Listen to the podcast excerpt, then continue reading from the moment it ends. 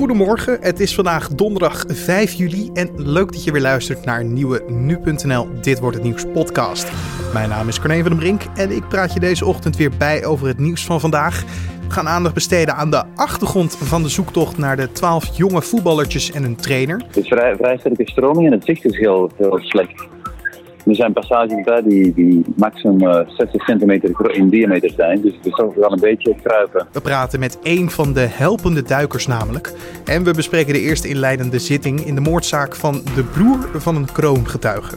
Maar eerst kijken we kort terug naar het belangrijkste nieuws van afgelopen nacht. De twee mensen die zaterdag bewusteloos zijn aangetroffen in de Engelse plaats Amesbury zijn vergiftigd met Novichok. Dezelfde stof waarmee de Russische oud-dubbelspion Skripal en zijn dochter Julia werden getroffen. Het Britse stel verkeert nog in kritieke toestand. Volgens de Britse antiterrorisme-dienst hebben de twee slachtoffers niets in hun achtergrond, wat doet vermoeden dat ze doelwit van een gerichte moordaanslag zijn geworden. Een vrouw heeft het vrijheidsbeeld in New York beklommen als protestactie tegen het immigratiebeleid van de Amerikaanse president Donald Trump. De politie slaagde er na meer dan twee uur in om de actievoerster naar beneden te krijgen. De vrouw is daarna gearresteerd. Nederland gaat onderzoeken of het Nederlandse vluchtelingenschip dat op Malta aan de ketting ligt, alles volgens de regels heeft gedaan. Reist een inspecteur naar de eilandstaat om na te gaan of het gebruik van de Sea-Watch 3 wel past bij de wijze waarop het schip is ingericht, uitgerust en gecertificeerd. Het schip van de Duitse hulporganisatie Sea-Watch pikt migranten op die in problemen zijn geraakt bij hun tocht over de Middellandse Zee naar Europa. Het vaart onder de Nederlandse vlag en valt daarmee onder de verantwoordelijkheid van Nederland. Malta heeft het schip verboden nog uit te varen. De autoriteiten daar denken dat de Sea-Watch 3 verder gaat dan enkel het redden van drenkelingen. En dan kijken we naar het nieuws van vandaag, oftewel, dit wordt het nieuws. Twaalf jonge voetballertjes en hun trainer zitten vast in een ondergelopen grot in Thailand. Door slecht weer werden zij pas na negen dagen gevonden door reddingswerkers. Een van de duikers die meehielp met de zoektocht is de Belgische duiker Ben Remanence. Hij was ook bij het moment waarop bekend werd dat de kinderen nog leefden. Julian Dom belde hem in Thailand, want hoe ging het er op dat moment daar aan toe? Uh, ja, natuurlijk algehele euforie. Uh, de meeste deelnemers zeggen vrij pessimistisch in. Maar de, uh, ja, natuurlijk naar de kinderen gevonden waren. Natuurlijk de algehele blijdschap. Gelijk met, een, een kleine raceparty, mag ik zeggen. En uh, ja, iedereen begreep heel snel dat het, nu komt het pas het echte werk. Hoe krijgen we die kids uit, die, uit de grot? Bent u zelf ook door de grot heen gedoken? Ja, we hebben ongeveer de helft van de, van de touwen gelegd die uh, nodig waren om toch bij die uh, kinderen te raken. Het is vrij, vrij sterke stroming en het zicht is heel, heel slecht. Er zijn passages bij die, die maximum uh, 60 centimeter in diameter zijn, dus het is toch wel een beetje kruipen um, om het door te kunnen. Daarom is het niet zo evident om, om kids die eigenlijk niet kunnen zwemmen, zeker niet kunnen duiken, om die er even zo snel uit te leiden. Ja, precies. Want hoe lang duurt zo'n traject? Want ze, ze zitten op dik een kilometer Vier onder uur. de grot. Vier uur. Ja, het is meer dan een kilometer. We zitten uh, bijna 2,3 kilometer uh, zitten ze diep in de grot. Het is echt een labyrint van kleine gangen en, en, en heel makkelijk te verdwalen. Als je de bodem aanraakt, uh, ja, ontploft het klei echt en je zicht onmiddellijk verdwenen. Het is niet allemaal onder water, toch? Er zijn ook stukken waar je weer, bij wijze van spreken, naar lucht kunt happen, of niet? Ja, dat klopt. Um, dus nu het water, uh, de heel grote pompen, die, die doen best wel goed hun werk. En die hebben toch uh, Cam 3, zoals we het noemen, dat anderhalve kilometer in de grot ligt, kunnen, kunnen droogpompen.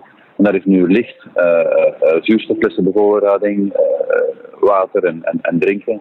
En dat slapen de meeste Navy SEALs ook. En uh, het echte duikwerk begint vanaf daar. En dan is het nog ongeveer 2,3 kilometer tot, uh, tot je bij de kit bent. Dat is toch een goede 4 uur zwemmen. De hele trip duurt ongeveer 8 uur dat je toch uit, het, uh, uit de buitenwereld weg bent. Wordt het professioneel en op de juiste manier aangepakt volgens u? um, ja, ik weet het niet. er is eigenlijk geen, geen draaiboek voor dit soort situaties. misschien, misschien ook die, de, de mijnramp in Chili er moest ook uh, elke dag uh, uh, iets nieuws worden uitgevonden om, om de mensen in leven te houden. Dus ja, nu, mensen zijn nu levend.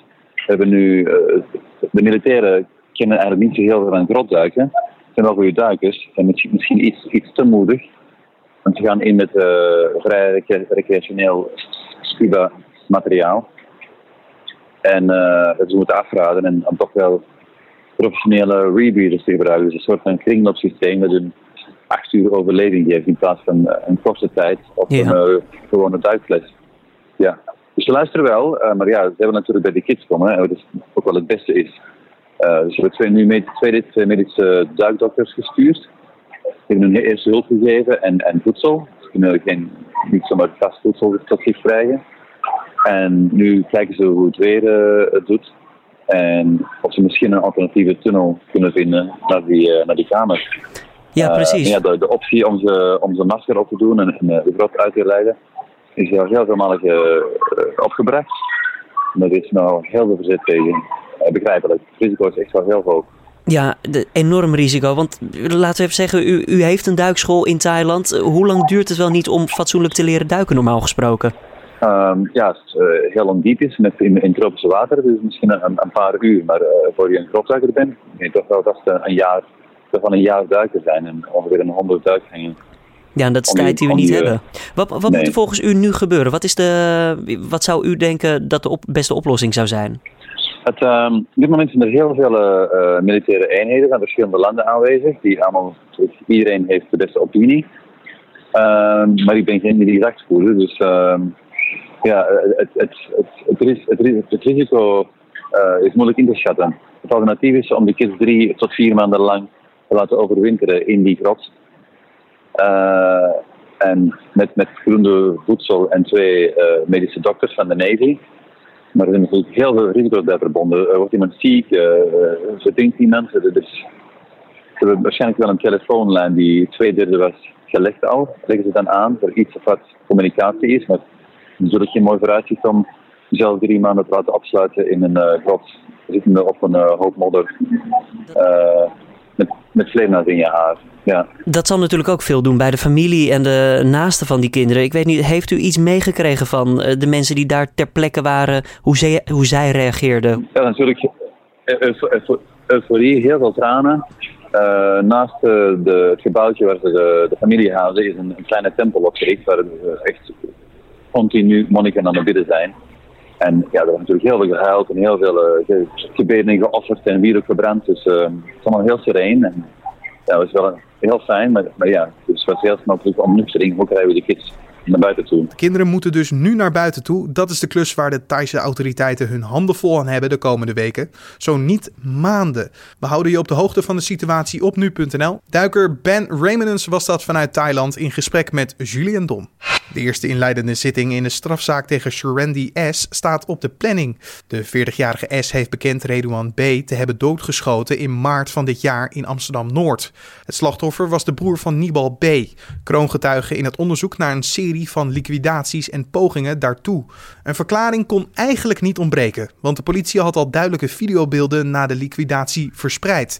Je hoort Julian Dom in gesprek met rechtbankverslaggever Joris Peters. Nou ja, je kan er ook voor kiezen om te zwijgen. En dan, moet, dan is het dan het Openbaar Ministerie om, uh, om het uit te zoeken verder. Maar in dit geval heeft hij er inderdaad voor gekozen om, uh, om toe te geven dat hij degene is die achter uh, de liquidatie zit. Ja. hij heeft het in een verklaring heeft hij dat afgelegd en ook in het politievoor heeft hij het toegegeven. Mm -hmm. En vandaag op de zitting zal het Openbaar Ministerie een, een, toe, een korte toelichting geven op deze okay. verklaring. Ja, hij stond niet echt bekend als een hele grote boef, om het zo maar even te zeggen. Want zijn strafblad, wat nee, klein ja, dat klopt. Ja, er waren kleine vergrijpen. Volgens mij het, het kapotmaken van zelfs van een, van een, paar, van een paar auto's. Hè, van het aftrappen van een, van Spiegeltjes en zo, van een ja. zijspiegel. Dus niet een man die je gelijk ziet als een, uh, iemand die, die een moord pleegt. Um, dus dat is inderdaad ook wel de grote vraag. Hè. Wat, wat, wat is zijn reden geweest? Heeft hij bijvoorbeeld heel veel geld uh, geboden gekregen? Is hij onder druk gezet? -hmm. um, Krijgen we dat vandaag te horen? Nee, dat verwacht ik niet. Nee, het is echt een, het is een proforma zitting en inleidende zitting. Dus uh, dat is meer voor de inhoudelijke behandeling. Maar misschien heeft hij daar zelf wel iets over gezegd hoor. Maar dat verwacht ik niet. Oké. Okay. Ja, um, zijn slachtoffer, uh, Redouan B., die mm -hmm. kon beveiliging krijgen van justitie. Dat weigerde hij destijds.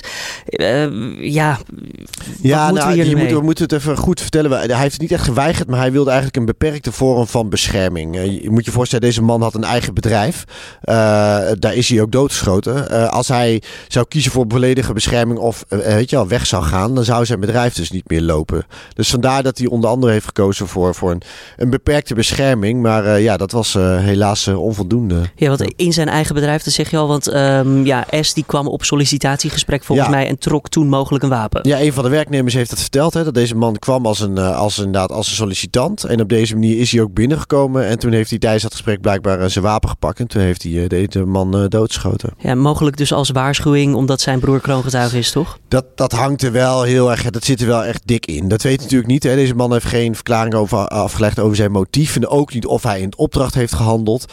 Maar goed, eh, eh, een week voordat eh, deze man is doodgeschoten, heeft Nabil zich, of heeft Oba Mysterie duidelijk gemaakt dat ze een kroongetuige hebben.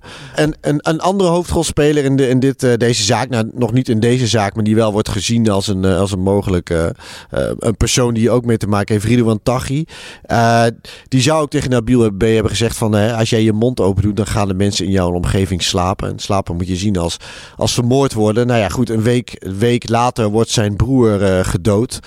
Uh, we moeten niet te snel zijn met de conclusie 1 plus 1 is 2. Maar uh, ik denk dat ook het Openbaar Ministerie zich, uh, zich hiermee bezighoudt met het onderzoek, de focus hierop. De, dit soort dingen, zo slapen, de geheimtaal wordt, wordt gebruikt. We snappen het allemaal, je weet het. Ja. Kan je daar wat mee in juridische termen? Dat je, dat je zegt van, ja, weet je, hij bedoelt niet echt dat hij gaat snurken. Maar... Ja, nee, zeker. De, de, de politie heeft al op een gegeven moment, bedoel, het is een soort straattaal, hè, maar de politie weet dat zo op die manier uit te leggen dat de rechtbank het ook begrijpt dat dat betekent dat dat niet echt slapen of snurken is. Dus daar kan je in de rechtbank zeker ver mee komen. Oké, dan uh, ja, nog eventjes de familie van B. Die is nu ondergedoken, maar niet in Nederland, in het buitenland. Want ja. Eh, er was niet genoeg bescherming of er was geen capaciteit nee, ja, in Nederland? De, capaciteit inderdaad in Nederland is, is gewoon laag bij de diensten beveiligen. En uh, is, is, zijn er gewoon te weinig mensen om dit allemaal voor elkaar te krijgen. Dus ik denk dat daarom ook is gekozen om ze in het buitenland uh, onder te brengen. Maar eerst boden ze dus wel bescherming aan. Dat kon dan toen destijds al niet voldoende zijn, denk ik. Nou ja, wat, kijk, deze, deze moord heeft natuurlijk zoveel teweeg gebracht dat ja, ze konden, hè, die, die, die mensen uh, hebben, hebben laten zien dat ze, dat ze het menen. Dat, dat het niet zomaar een signaal is van wij gaan je vermoorden. Nee, wij handelen daarna. Dus dan moeten op een gegeven moment zo'n uh, van die drastische maatregelen worden gekozen als dit.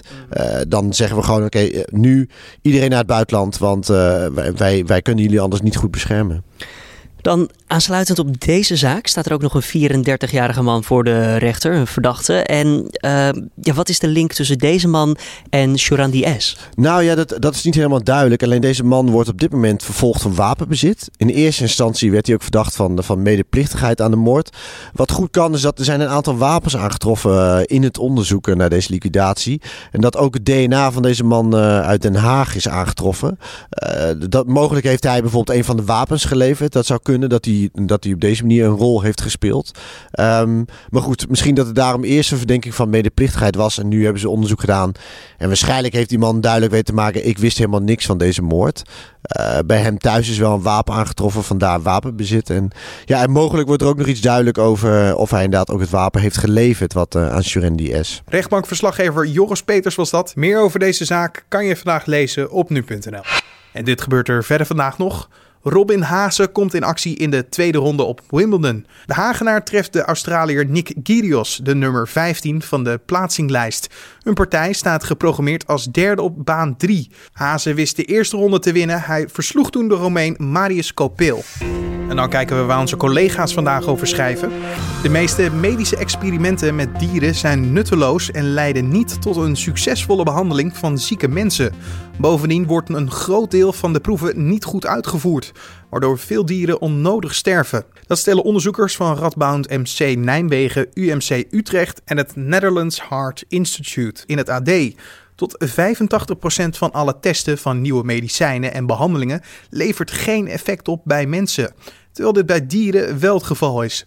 Mislukte dierproeven worden vaak niet goed gedocumenteerd, waardoor testen soms onnodig herhaald worden. Om dat aan te pakken hebben de drie instanties een register geopend waarin wetenschappers uit de hele wereld hun dierproeven anoniem kunnen vastleggen. Een meerderheid in de Tweede Kamer wil dat er maatregelingen komen om ervoor te zorgen dat kinderen hun vader of moeder mogen zien, ook al ziet de andere ouder dat niet zitten. Ongeveer 15% van kinderen van gescheiden ouders heeft geen contact meer met hun vader of de moeder. De Telegraaf schrijft dat politieke partijen constateren dat dat te vaak gebeurt doordat een van de ouders weigert mee te werken, ondanks een omgangsregeling. Een Kamermeerderheid vindt dat er nu te weinig dwangmiddelen zijn om de medewerking wel af te dwingen. En de mogelijkheden die er nu zijn worden maar heel sporadisch toegepast. Nou kijken we nog even naar het weer. Opnieuw een zonnige dag in het vooruitzicht. Vandaag met enkele voorbijtrekkende wolkenvelden. De middagtemperaturen lopen uiteen van 20 tot 28 graden. En dan nog dit. Ruim 20 jaar na de moord op rapper Tupac heeft de politie in Las Vegas de zaak weer in onderzoek. Aanleiding zijn de uitspraken die de oom van een voormalig verdachte deed in het programma Dead Row Chronicles. In de docuserie vertelde voormalig ganglid Keffy D dat hij weet wie de rapper heeft vermoord. Hij noemde de dader niet bij naam, maar toch werd het redelijk duidelijk dat hij doelde op zijn neef en voormalig verdachte van de moord op Orlando Anderson. Keffy D beweerde dat hij de auto reed waaruit Tupac werd geschoten. Zijn neef en een vriend zouden op de achterbank hebben gezeten van waar gevuurd werd. Dit was dan de Dit wordt het nieuws podcast voor deze donderdag 5 juli. Je vindt de Dit wordt het nieuws podcast natuurlijk elke maandag tot en met vrijdag om 6 uur ochtends op de voorpagina van nu.nl of via desbetreffende podcast app zoals Spotify, iTunes en natuurlijk Pocketcast. Vind je dit nou een fijne podcast om elke ochtend te beluisteren? Laat het ons weten via een mailtje naar redactie.nu.nl of natuurlijk via een recensie op iTunes. Voor nu wens ik je een mooie dag en tot morgen.